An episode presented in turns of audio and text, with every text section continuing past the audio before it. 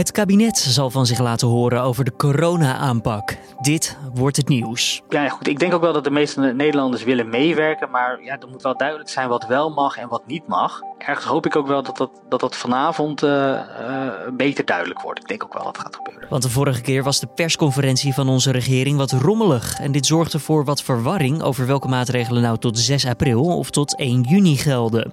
Om het overzichtelijk te maken weten we al dat premier Mark Rutte vandaag bekend zal maken dat de huidige maatregelen verlengd zullen worden. Hoe dat precies zit, hoor je zo van politiek verslaggever Avinash Biki. Eerst kort het belangrijkste nieuws van nu. Mijn naam is Julian Dom en het is vandaag dinsdag 31 maart. Nederlandse burgemeesters zijn over het algemeen positief over het gedrag van mensen tijdens het afgelopen weekend. Ook minister Vert Grapperhaus van Justitie en Veiligheid was positief. Een week geleden was dat nog anders. Toen oordeelde hij fel over mensen die zich op het strand en bij natuurgebieden niet aan de anderhalve meter afstand hielden. Daarop werden de maatregelen toen aangescherpt. Later vandaag wordt naar verwachting door het kabinet bekendgemaakt dat het maatregelenpakket dat nu tot 6 april geldt, wordt verlengd. Cardiologen zijn bezorgd omdat zij zien dat hartpatiënten vanwege het coronavirus veelal wegblijven uit het ziekenhuis. Dat meldt NRC gisteravond. Op de afdeling cardiologie in het Haga ziekenhuis in Den Haag waren vorige week 70% minder patiënten die zich melden met een hartinfarct of dreigend hartinfarct dan in dezelfde periode een jaar geleden. Patiënten hebben volgens de cardiologen angst om het coronavirus op te lopen. Daarnaast willen patiënten artsen niet lastigvallen in deze drukke tijd, schrijft NRC. Ook in andere Europese landen is een plotselinge daling van het aantal patiënten met acute hartproblemen te merken. De Amerikaanse president Donald Trump zegt dat de komende 30 dagen erg belangrijk zijn voor zijn land als het gaat om het afvlakken van de besmettingscurve. Our future is in our own hands and the choices and sacrifices we make will determine the fate of this virus and really the fate of our victory. We will have a great victory. We have no other choice. Every one of us has a role to play in winning this war. Every citizen, family, and business can make the difference in stopping the virus. Daar hoorde je de president. Tot met 30 april geldt in ieder geval in de VS social distancing. Oftewel, zoals ook hier in Nederland geldt, afstand houden van elkaar. Verder maakte de president bekend dat er in zijn land inmiddels 1 miljoen Amerikanen zijn getest op het virus. Volgens Trump kan het land ongeveer per dag 100.000 testen aan.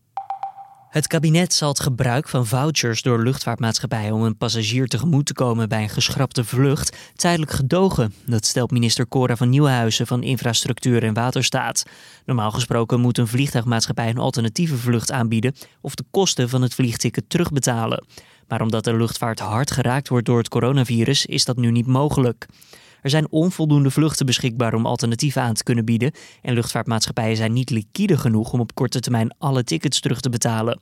Wel zijn er voorwaarden waar het voucher aan moet voldoen. Zo moet deze minstens 12 maanden geldig zijn. En als deze uiteindelijk niet wordt gebruikt, moet de maatschappij het geld alsnog terugbetalen. Dan ons gesprek van vandaag. Dat is dat er in Den Haag weer gesproken zal worden over de huidige coronamaatregelen. Is het genoeg wat we nu doen of moeten we misschien een stapje verder gaan?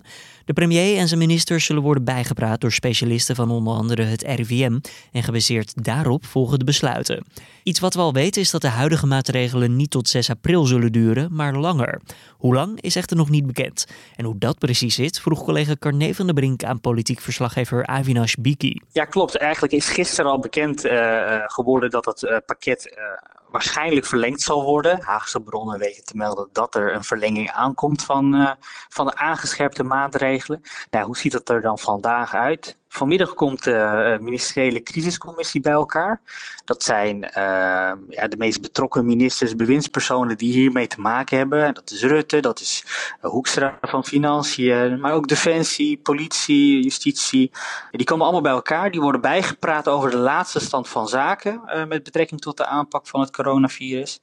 En daar zal dan ook een definitief besluit uitrollen van hoe lang uh, de maatregelen verlengd worden? Want dat weten we nog niet. Nee, want er loopt op dit moment eigenlijk twee maatregeldatums door elkaar heen. Zo heb je 6 april en alles wat daarna komt en 1 juni. Kan je het verschil voor ons duiden uh, hoe dat precies zit met deze twee datums?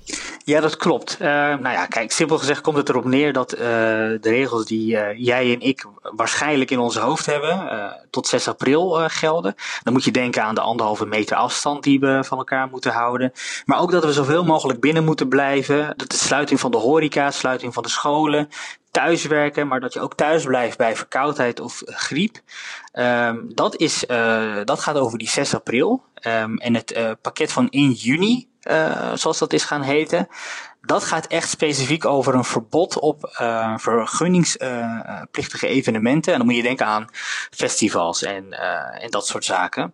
En dat zijn eigenlijk de twee verschillende pakketten. Ja, en ik zei al, dat zorgde voor best wel wat nou, ophef, onduidelijkheid toen het allemaal werd aangekondigd. Zeker dat 1 juni pakket, want hoe verhoudt zich dat dan met het 6 april pakket? hoe kwam dat eigenlijk dat er zoveel onduidelijkheid was? Ja, dat klopt. Die onduidelijkheid heeft het kabinet en bijzonder ook premier Rutte echt geheel aan zichzelf te danken. Hij kondigde, uh, die, boodschap kondigde aan hè, met, met vier verschillende uh, bewindspersonen. Ze wisselden constant van plek. De boodschap was niet duidelijk. Het was onduidelijk of de horeca en de scholen, die dus gesloten zouden zijn tot 6 april, uh, zouden die dan ook gelden onder de 1 juni regeling ja, dat, dat, dat werd eigenlijk niet duidelijk. En bij crisiscommunicatie is natuurlijk, uh, die helderheid is gewoon essentieel. Wij willen gewoon weten van wat er gaat gebeuren. Ja, goed, ik denk ook wel dat de meeste Nederlanders willen meewerken, maar ja, er moet wel duidelijk zijn wat wel mag en wat niet mag.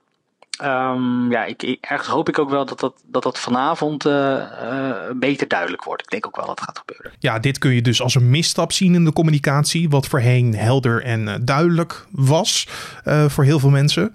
Um, hoe heeft Rutte zelf gereageerd op hetgeen wat de vorige keer fout ging? Ja, ik ben het eigenlijk niet zo erg eens met dat beeld hoor, dat ze zo duidelijk zijn in de communicatie. Ik vind, ik vind eigenlijk helemaal niet dat ze, dat ze duidelijk zijn in de communicatie. Rutte had zijn tv-boodschap natuurlijk, hè, waarin hij aankondigde van het groepsimmuniteit.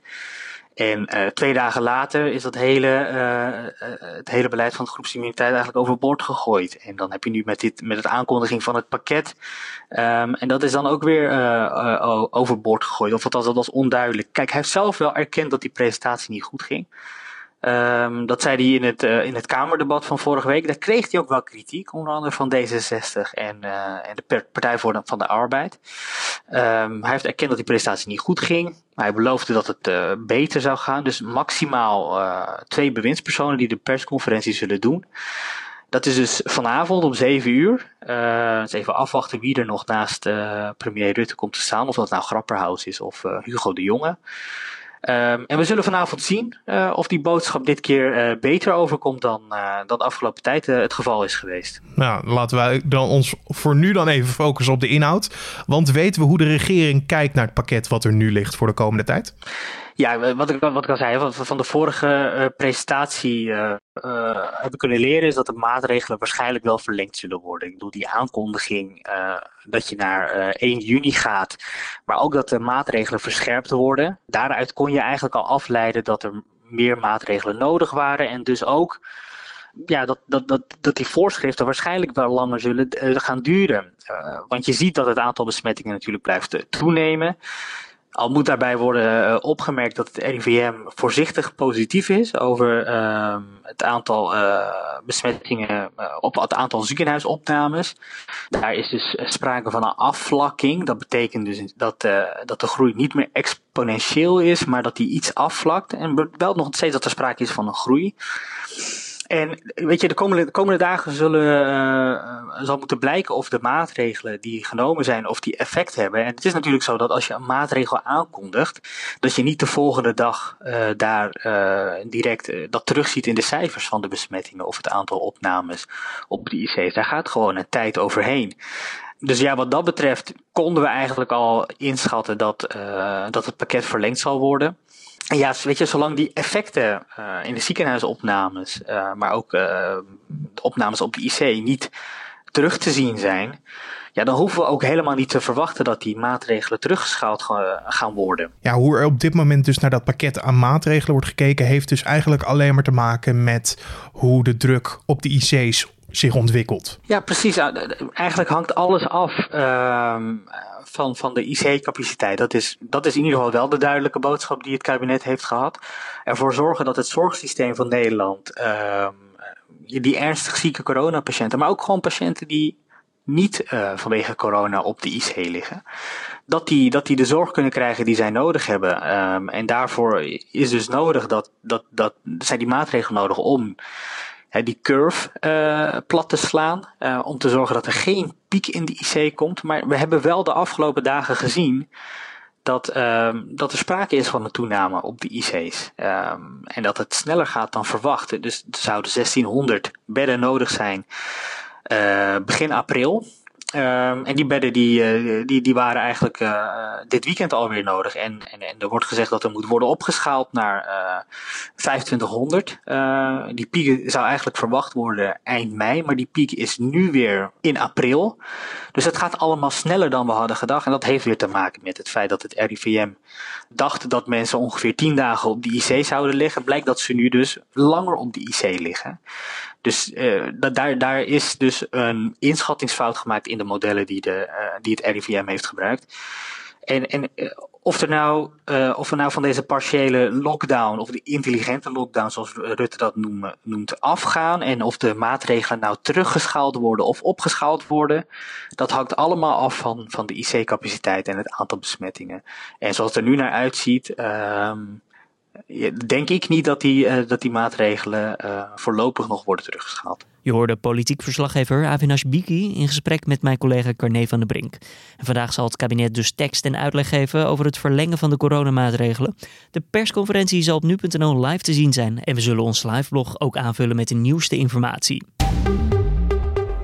Dan het weer voor deze dinsdag. De zon die laat zich vandaag goed zien, alleen ochtends wat kans op lichte bewolking. Het blijft verder droog, de temperatuur die schommelt rond de 8 graden en er staat een zwakke tot matige noordoostenwind. Dan sluiten we af met nieuws over de Britse prins Charles, die met het coronavirus besmet is. Hij is inmiddels herstellende. De 71-jarige Britse kroonprins hoeft niet meer in isolatie te zitten. Dat maakt het Britse Koninklijk Huis bekend. Charles heeft in totaal zeven dagen in isolatie gezeten en hij verbleef gedurende die periode samen met zijn vrouw Camilla in hun huis in Schotland. Camilla testte niet positief op het virus, maar moet nog ongeveer een week thuis in quarantaine. Woensdag werd bekendgemaakt dat de prins milde symptomen vertoont, maar verder in goede gezondheid verkeert. Omdat Charles de laatste weken veel verschillende afspraken heeft gehad, is het niet te achterhalen waar hij het virus heeft opgelopen.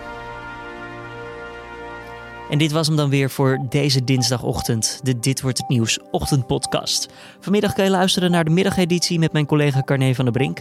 Tips of feedback zijn altijd welkom nog via podcast.nu.nl. En dan rest mij nog te zeggen, abonneer je op de Dit Wordt Het Nieuws podcast. Dan krijg je hem altijd automatisch weer op het moment dat hij verschijnt in je inbox. Voor nu een fijne en gezonde dinsdag toegewenst. Mijn naam is Julian Dom en tot de volgende.